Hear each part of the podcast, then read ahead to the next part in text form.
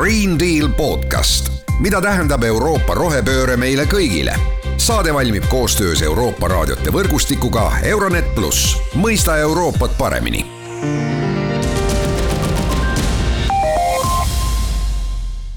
Tere, head äh, Green Deal äh, taskuhäälingu kuulajad, mina saatejuht Mart Valner. Ja täna äh, räägime sellest, kas ja kuidas on võimalik jätkusuutlik lennundus ja kuidas on lennundust võimalik arendada selliseks, et see veel vähem koormas keskkonda ja loomulikult oleks ka heitmevaba.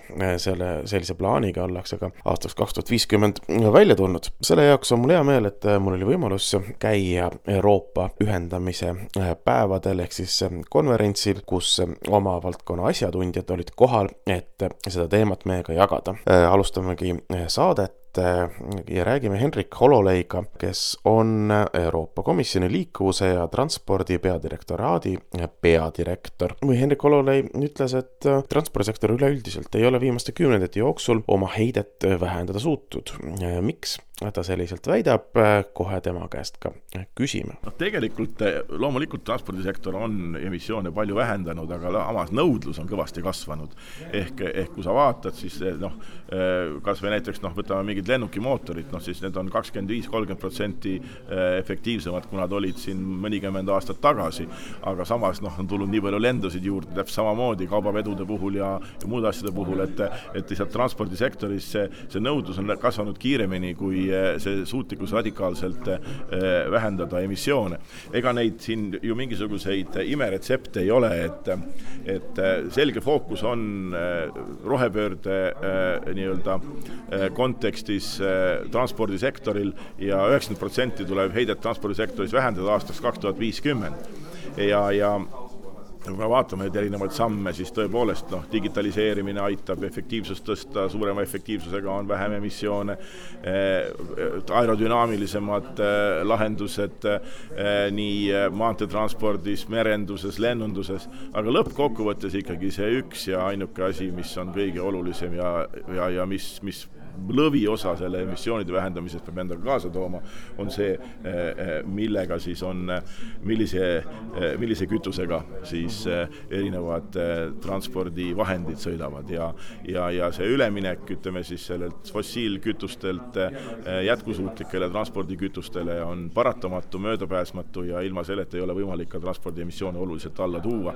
seetõttu ka meie omalt poolt panime eelmisel aasta suvel lauale ettepanekud, kuidas siis suurendada jätkusuutlike eh, kütuste osakaalu lennunduses, merenduses ja, ja kuidas siis eh, suurendada ka eh, elektril ja vesinikul sõitvate autode kasutuselevõttu.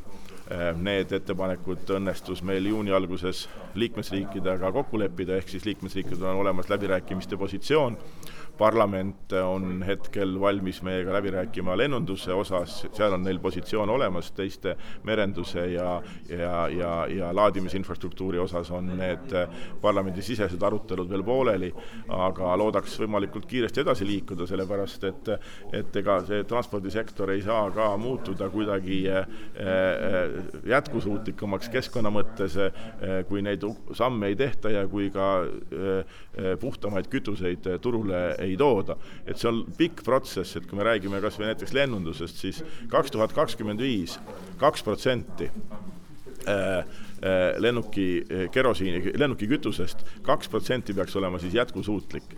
Ja, ja, ja, ja see peaks siis kasvama aastast kaks tuhat viiskümmend kuskile kuuekümne kolme protsendi peale. et see lihtsalt annab selle, selle noh, ütleme niisuguse, niisuguse mõõtme, kui väga oluline on, et kütusetootjad, eks ole, ju suudaksid neid kütuseid turule tuua, meil on kütusetootjatega palju arutelusid, me oleme ka teinud niisuguse äh, madala äh, süsinikusisaldusega kütuste alliansi, kus on siis nii tootjad kui kasutajad ja, ja selle nii-öelda kick-off on just järgmine nädal. Äh, ja, ja see on üks võimalus, kuidas siis nii-öelda industrialiseerida kogu seda, seda tootmist ja, ja, ja tagada seda, et, et tuleksid äh, teised lahendused. ja muidugi elektrilahendused aitavad sellele kaasa ja, ja loodame, et ka rohkem vesinikulahendused tulevikus. kui me vaatame kogu seda transpordisektorit tervikuna, siis et noh, lennunduse ja merenduse osakaal on kuskil kolmteist, neliteist protsenti, nad on enam-vähem sarnased transpordisektoris, kui sa võtad, aga ja, ja raudteele osakaal on suhteliselt ühine, protsent kaks sama siseveeteede puhul, ehk siis see, see, see lõviosa, see seitsekümmend 70 Äh, pluss protsenti on seotud maanteetranspordiga, et kui me tahame transporti teha jätkusuutlikuks, siis see, see fookus on ikkagi maanteetranspordil ja, ja sealhulgas ka loomulikult inimeste isiklikel autodel. No lennundus tahab nulli jõuda kaks tuhat viiskümmend aastat juba, Destination kaks tuhat viiskümmend, niisugune programm olemas, ma saan aru, et seal on kavas kõik suured äh, assotsiatsioonid, mis lennundusega seotud on, aga seal ei ole kambas Euroopa Liitu ega Euroopa Komisjoni, kellelt oodatakse rohkem äh, tuge, et sinna jõuda no me ei, ei olnudki osa sellest, sellepärast et äh, siin peaaegu see erasektor peab ise oma eesmärgid äh, paika panema ja loomulikult nad äh, tutvustasid meile seda dokumenti selle töö käigus ja ka edaspidi ähm, see on tore, et eesmärgid seatakse, ega nende eesmärkide jõudmine ei ole sugugi mitte nii lihtne, et ka lennunduse puhul noh, mis, millest me räägime, me räägime eh, ikkagi jällegi jätkusuutlikest lennukikütustest, mis peaksid tooma kuskil kaks kolmandikku, eh, me räägime nii-öelda eh, kergematest lennukitest, rohkem komposiitmaterjale, me räägime paremini toimivatest lennukimootoritest, me räägime ka revolutsiooni või siis noh, lahendustest ütleme siis teist tüüpi lennukimootoritest ja vesiniklennukitest ja ja loomulikult ka, ka, ka ultralühilendudel elektrilised lennukid, ehk siis eh, neid lahendusi tuleb, aga siin ei tohi ära unustada ühte asja, et lahendused on kõik toredad ja nad on vajalikud ja nad mängivad oma osa, aga eh, emissioonidest kaheksakümmend viis protsenti, mis lennundusest tuleb, tulevad eh, pikkadelt lendudelt.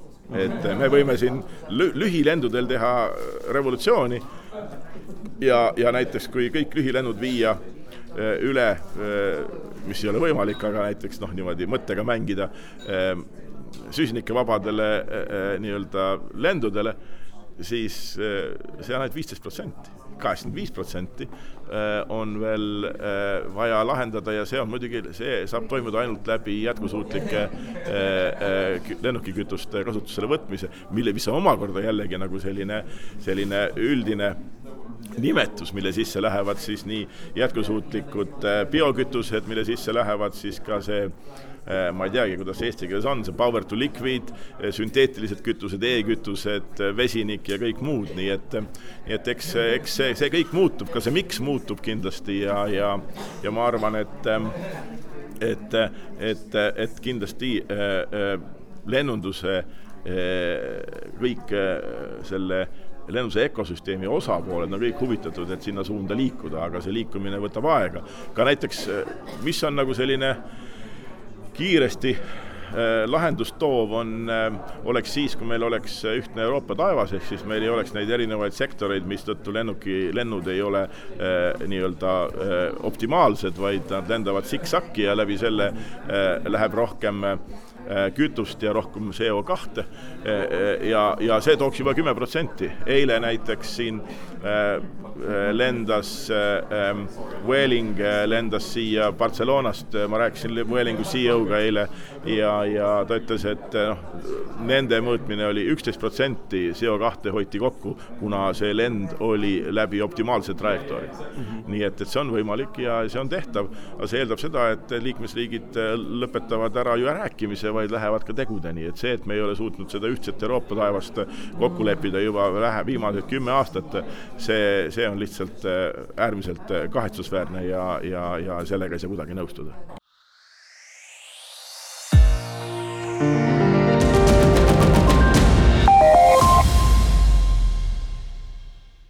Oli võimalik äh, rääkida ka sellise organisatsiooni nagu Kanso ehk siis äh, õhutranspordi juhtimise äh, organisatsiooni Euroopa poliitika ja huvikaitse juhi Johnny Pringiga.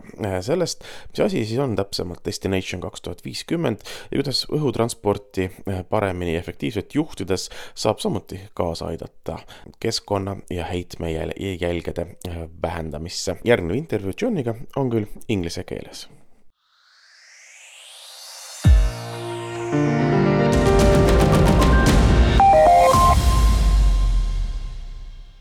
Johnny Pring, Manager Europe Policy and Advocacy from Kansa.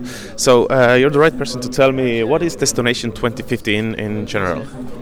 Destination 2050 is a collective initiative of the European aviation industry to achieve the EU's climate objective of net zero carbon emissions by 2050. Okay. It's a joint initiative of five associations. We came together three years ago because we realised that we couldn't just sit back and wait for policymakers to come to us. We had to come up with our own plan to achieve that ambition. So we commissioned a report from two uh, highly respected independent consultancies to help us identify the measures that we need to achieve that ambition as a, an industry across Europe and to see what is needed to actually implement those. Okay, so uh, uh, as I understand, uh, pretty much uh, every part of the aviation industry is uh, uh, a part of the Destination 2050. Also, everybody's doing their part. it's all the main associations. So we have the, the, two main associations representing the airlines. We have the association representing the airports, the association representing the manufacturers, and my association, which represents the air traffic management industry. Okay. Uh, and what exactly can you do? Uh, do? Because uh, I understand what everybody else can do. It's pretty easy to understand. Okay, we will uh, exchange the fuels and uh, we will uh, stop heating our airports with gas and create solar par- parks and so on. But what can you do in air traffic management? You'd be surprised.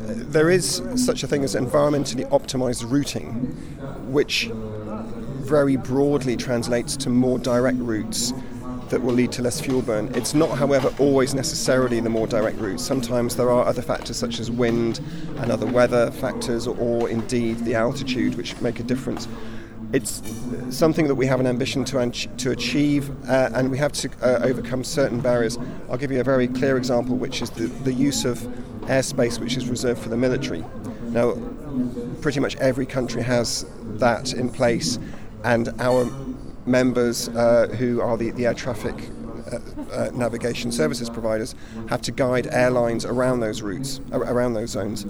There is, however, an, a relatively new procedure in place called flexible use of airspace, which allows a very short term switching of those zones to civilian use. That requires a lot of coordination between the military and the civilian air navigation services providers, but it can be done, for example, at 24 hours' notice. And that also requires the political will to put that in place because many members, uh, member states guard their military uh, capability and their sovereignty in that regard very jealously. So it takes a certain amount of trust, uh, but we've seen that most member states are willing to, to roll that out. And indeed, the five flights that have been guided into Lyon today have made use of an advanced form of that flexible use of airspace. Okay, so uh, to put it like really shortly, the airplanes don't have to fly. Uh, uh, past the zones. They don't have to take uh, reroutes. They can just go, go straight.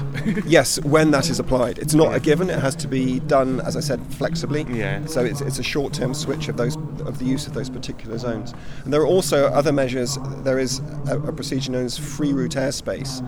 So this gives the pilots of the planes more flexibility to plot their own route from point A, where they enter a, a, an air traffic control zone, to point B.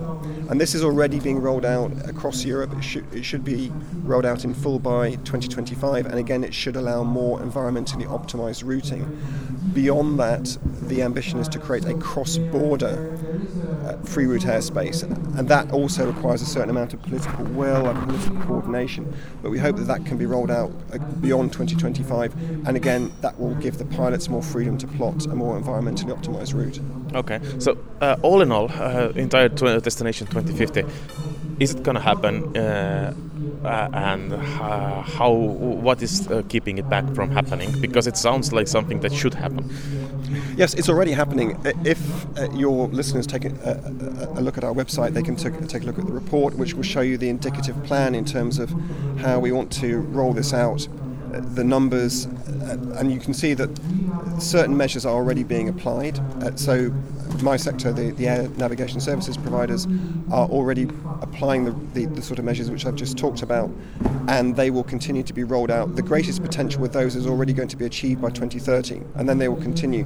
But beyond 2030, we will see a greater use of sustainable aviation fuels 10 flights leaving Lyon Airport today are being refueled with sustainable aviation fuels, or SAFs as we call them. And they will have, I think, it's 30% on average today uh, in those 10 flights.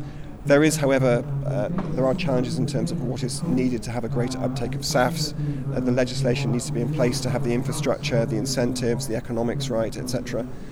And then there are improvements in aircraft technologies, uh, which are also there in the in the report, and they are, are already they're being researched. Um, they're part of R and D programs, but again, support is needed to, to get those technology ready in the time frame 2027 to 2030 so they can actually come on stream from 2035 so there is a lot that's already being done but what we're asking for uh, is the right support from policymakers in terms of the right legislative frameworks and the right support for um, research and development programs, some of which are European programs. We are optimistic. It's certainly not going to be something we take for granted, however. It's a collective effort that we hope to do with industry and policymakers between now and 20, 2050.